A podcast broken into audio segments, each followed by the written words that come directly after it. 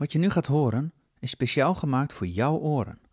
Jonathan Griffioen maakte dit literaire werk in samenwerking met Egbert Minema van Productiehuis Potgrond en dat in opdracht van Noordwoord. Met dank aan steun van het Nederlands Letterenfonds, de gemeente Groningen en de provincie Groningen.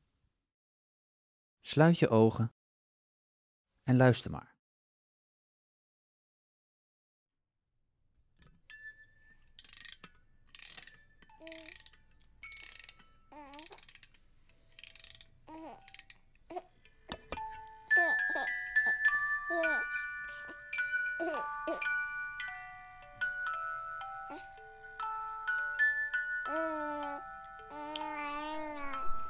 Saga, je zit hier nu bij mij op schoot. En ik zal je een verhaal vertellen.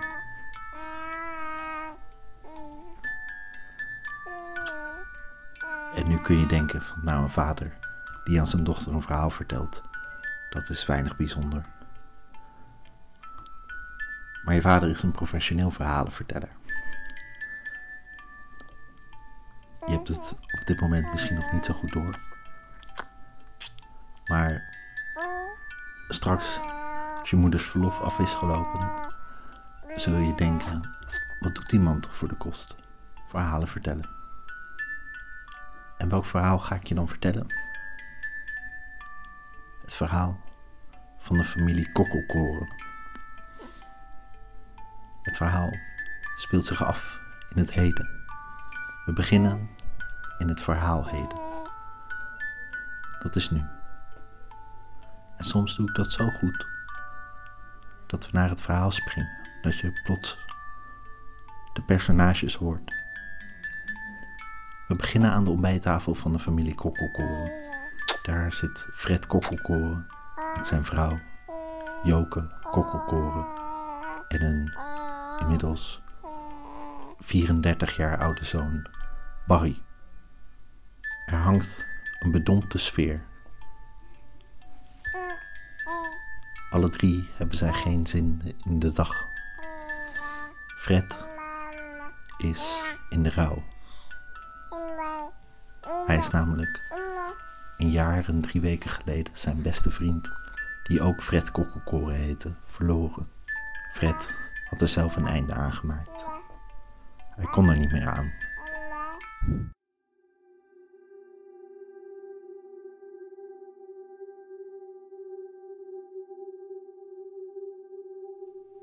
Fred valt tijdens een schooluitje in een vlaafabriek wanneer hij loopt over de balustrade tussen de ene trap en de andere in een grote bak met vla. Terwijl hij valt, horen we de Wilhelmschreeuw.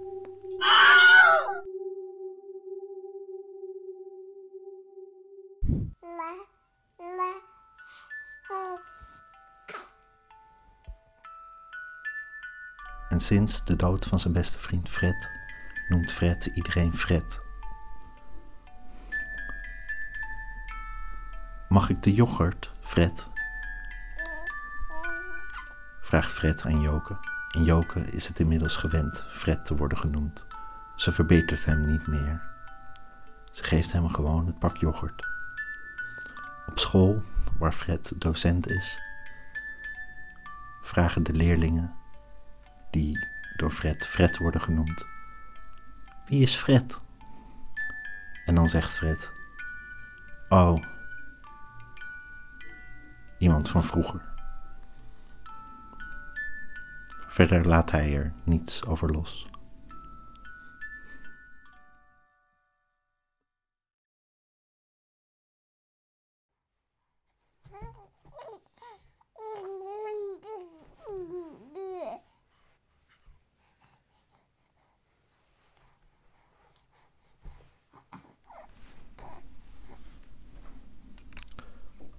Joke zit op haar kantoor. Joke rouwt om Fred, die kort na het besluit van diens beste vriend uit het leven te stappen, zelf ook uit het leven stapte. Ze heeft het idee dat alles gewichtig is en veranderlijk. Ze was altijd links georiënteerd, maar na een douche was zij rechts geworden. Zij was goed lachs geweest en na een douche ernstig geworden. Ze was onbesuist geweest, maar na een douche diplomatiek en beleefd boven alles. Ze was open geweest en na een douche gesloten geworden. Ze was een gevoelsmens geweest, maar na een douche verstandelijk gedreven. Ze was liefdevol geweest, maar na een douche koud.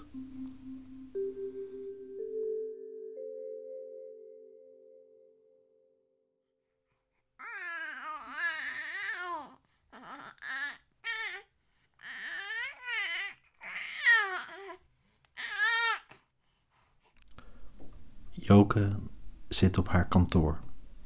Ze zet krabbels op documenten en legt die op een stapel. Dan klinkt de stem van haar secretaresse door de intercom.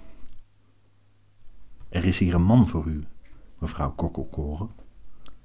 Ene Fred Kokkelkoren. Mijn man? vraagt ze verbaasd. Nee, een andere Fred Kokkelkoren. Stuur hem maar naar binnen. De man die Fred Kokkelkoren heet, neemt plaats aan het bureau van Joke. De secretaresse komt twee bakjes koffie brengen. Heeft u er suiker in? vraagt de secretaresse aan Fred Kokkelkoren. Ja, zegt hij. Maar hij laat de suikerzakjes naast zijn koffie liggen, waar hij wel om het hardst in zit te roeren. Dan steekt hij van wal. Je hebt van die mensen die dan op hun werk afvragen, zich afvragen: hebben we daar genoeg van? Dan zou je een hele uiteenzetting kunnen beginnen over bevoorrading en in de voorraadkast kijken en dan zien uh, in die voorraadkast of er genoeg van is. Uh, zo ben ik niet. Ik ga niet uh, kijken naar de bevoorrading. Ik ga niet naar de, naar de voorraadkast kijken of er genoeg van is. ik trek dat namelijk niet in twijfel. Ik laat dat dus niet afhangen van of er genoeg is. Of er genoeg van is. ik zeg namelijk, ik heb een oplossing bedacht. Ik zeg namelijk ja. Ja, uh, daar hebben we genoeg van. Dus als er dan uh, uh, verschillende items op bepaalde momenten binnenkomen, dan ga ik ervan uit, omdat dat meestal zo is, dat daar genoeg van is. soms kom je iets te kort, soms heb je ergens iets te veel, soms heb je ergens iets te weinig. Er is een bestelling gedaan, er is een bestelling uitgesteld. Mensen vergeten wel eens iets. Uh, mensen hebben ook ideeën over hoe je die uh, tekorten dan zou moeten uh, kunnen opvullen. waar die opvulling moet beginnen. Waarom dat in zit, dat die tekorten ontstaan. Dan zou je in principe, hè, als je dit zo hoort en even naast elkaar uitkristalliseert, zou je daar in principe een hele afdeling aan kunnen wijden. Over de bevoorrading van die tekorten, als die tekorten er al zijn. Of je schaalt de bevoorrading af door het uh, te verdelen over een bepaalde afdeling, uh, afdelingen, sorry, zodat er een, een evenredig, uh, ja, een, een, een, evenredig, een evenredige hoeveelheid, moet ik zeggen, ontstaat onder de afdelingen. Je zou dat ook allemaal niet kunnen doen. Dus al deze dingen die ik net heb gezegd, dus dat je uitgaat van een, een teveel of een tekort of van een, e, e, e, een balans. Je zou ook kunnen zeggen ja. Ja, daar hebben wij genoeg van.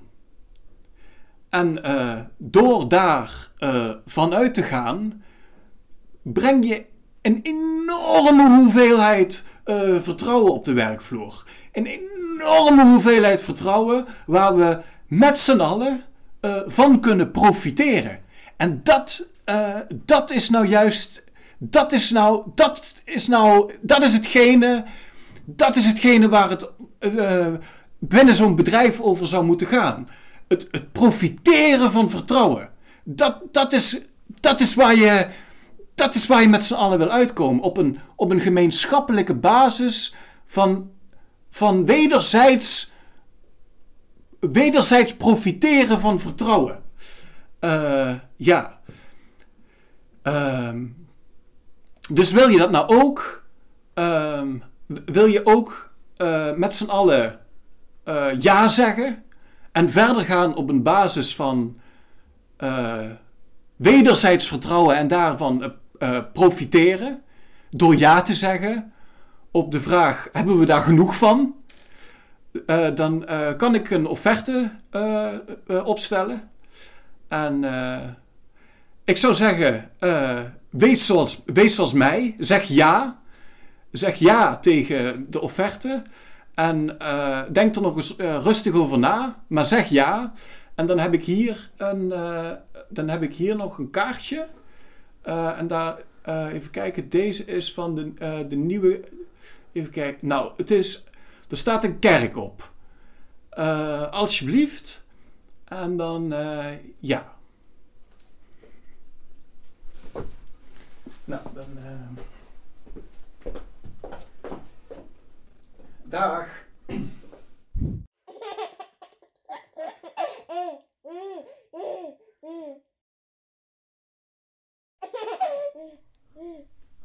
S'avonds zit Joke met Barry te eten aan de tafel. Ze kijkt naar zijn ongeschoren wang. Zijn witte t-shirt onder de vlekken zit van de voorgaande maaltijden. Als ze hem in de ogen kijkt, kijkt hij haar laf en ongeïnteresseerd in de ogen. Zoals eerder gesteld, gaat voor Joke diplomatie en beleefdheid voor alles. Zo is ze in de situatie terechtgekomen dat ze Amélie een lift geeft, iedere werkdag, terwijl ze Amélie niet mag. En op deze bewuste dag, terwijl ze op de snelweg rijden en ze de vangrail rechts van zich ziet, klinkt Shania Twain uit de radio. Amelie begint mee te zingen. Dit is echt mijn favoriete autotune, zegt Amelie.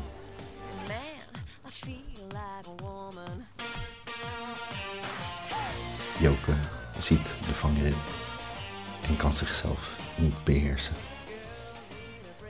Ze geeft een flinke ruk aan het stuur knalt op de vangrail.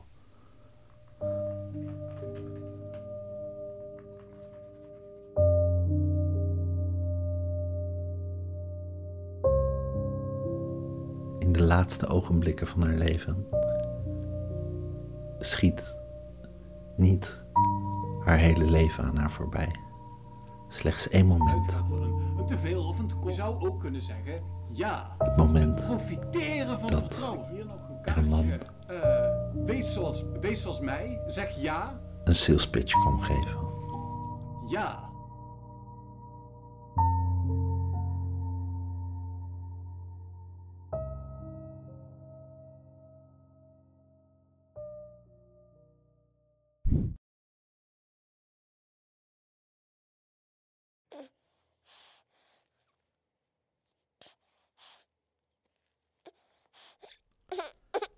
Barry is in alles een heel erg gemiddelde jongen. De belichaming van de middelmaat. Het is lastig om Barry te omschrijven. Hij is niet dik of dun. Hij is niet gemeen, maar ook niet aardig. Hij is niet lui, maar ook niet gemotiveerd. Barry is een middelmatig raadsel. Vandaag is hij ontslagen. Barry kan niet inloggen. Ik hoor je denken, waarom niet? Ik geloof dat niet. Nou, zijn leidinggevende dacht precies dat. Hij nodigde Barry uit voor een gesprek. Het gesprek zou een iets wat ongemakkelijk en bovendien asymmetrisch over en weer worden. De leidinggevende probeerde te achterhalen wat de oorzaak was van Barry's probleem. En Barry bleef hem in karige bewoording zachtjes ontwijken. De leidinggevende opende zijn laptop, opende een tekstverwerker en vroeg Barry zijn kassacode in te tikken. Dat deed Barry. Hij kan niet zo heel goed tikken, maar uiteindelijk lukte het. Het lukte Barry zijn kassacode in de tekstverwerker in te toetsen. De leidinggevende nam Barry mee naar de kassa. De kassa waarvan het systeem zeer recent vernieuwd was. Daar was volgens Barry dan alle inlog-ellende mee begonnen. Barry zou opnieuw zijn code in proberen te toetsen, maar dit keer voor de menes. Hij onderneemt drie pogingen en telkens als hij de code in had getoetst, verscheen op het scherm Wrong Password. Zou het dan toch aan de kassa liggen? De leidinggevende krabbelde Barry's inlogcode op een post-it en nam de code over vanaf zijn post-it. Op het scherm verscheen de boodschap: Welcome, Barry.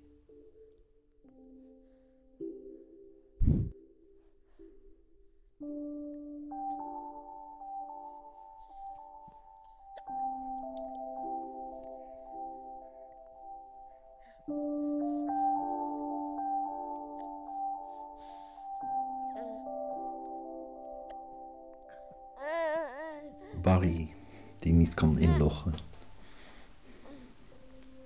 Maar hij gaat naar de begraafplaats. Op de begraafplaats voert hij gesprekken met de grafsteen van zijn beide ouders, die bij elkaar liggen in een graf. De gesprekken die hij nooit met ze kon voeren toen ze nog in leven waren. Het lukte hem eindelijk zijn woorden zorgvuldig te wegen en rustig de tijd te nemen ze uit te spreken. Hij zei zijn vader, ik verwijt je met terugwerkende kracht eigenlijk alleen dat ik het gevoel had altijd langer door te willen praten dan jij. En zijn moeder zei hij, ik vind het niet erg dat je mijn PlayStation afgepakt hebt toen ik 16 was. Ik verwijt je alleen dat ik 32 moest worden voordat ik hem terugkreeg.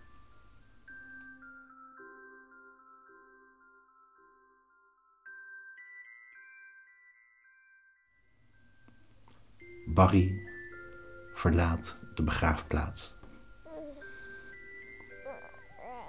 Hij ziet de wereld, hoort flarden van gesprekken, krijgt ideeën van de levens die geleefd worden zonder hem, door de mensen om hem heen. Dat er van alles is, met allerlei mensen in je directe omgeving waar je niets van weet.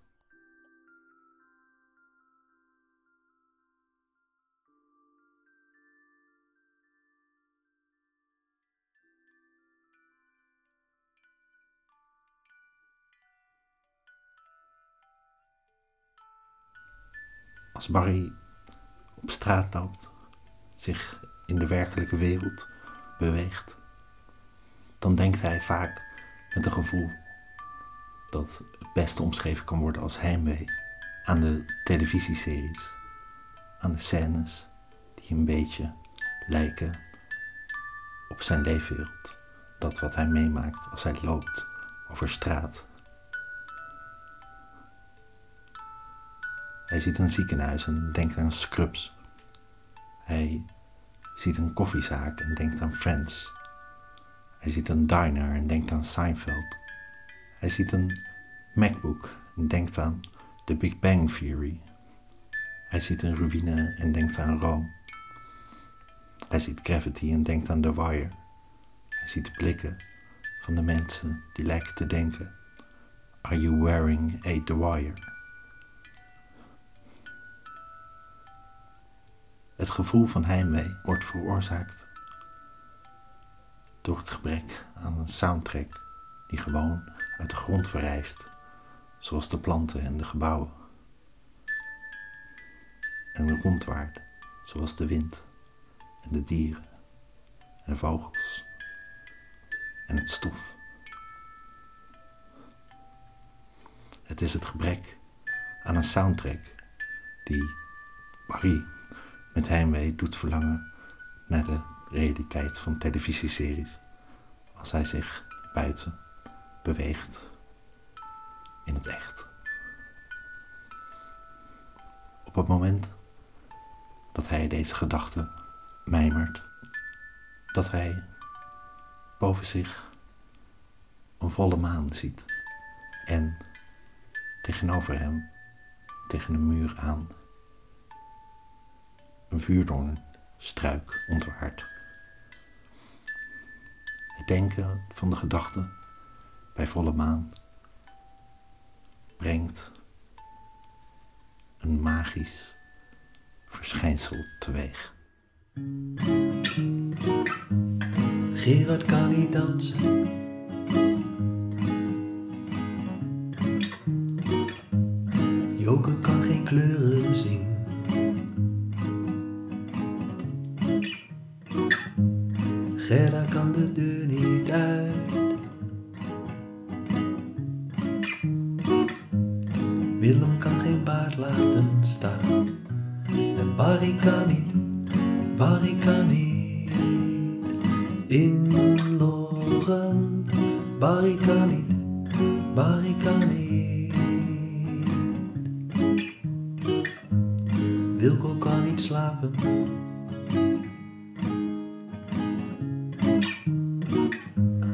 Ahmed kan geen zuivel eten. Theo is zijn naam vergeten. Truus kan niet tevreden zijn.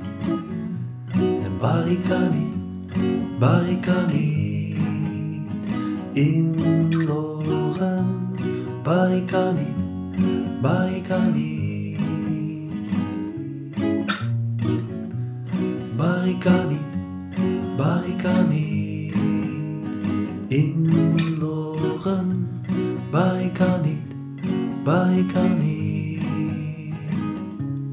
Barry is een beest, Barry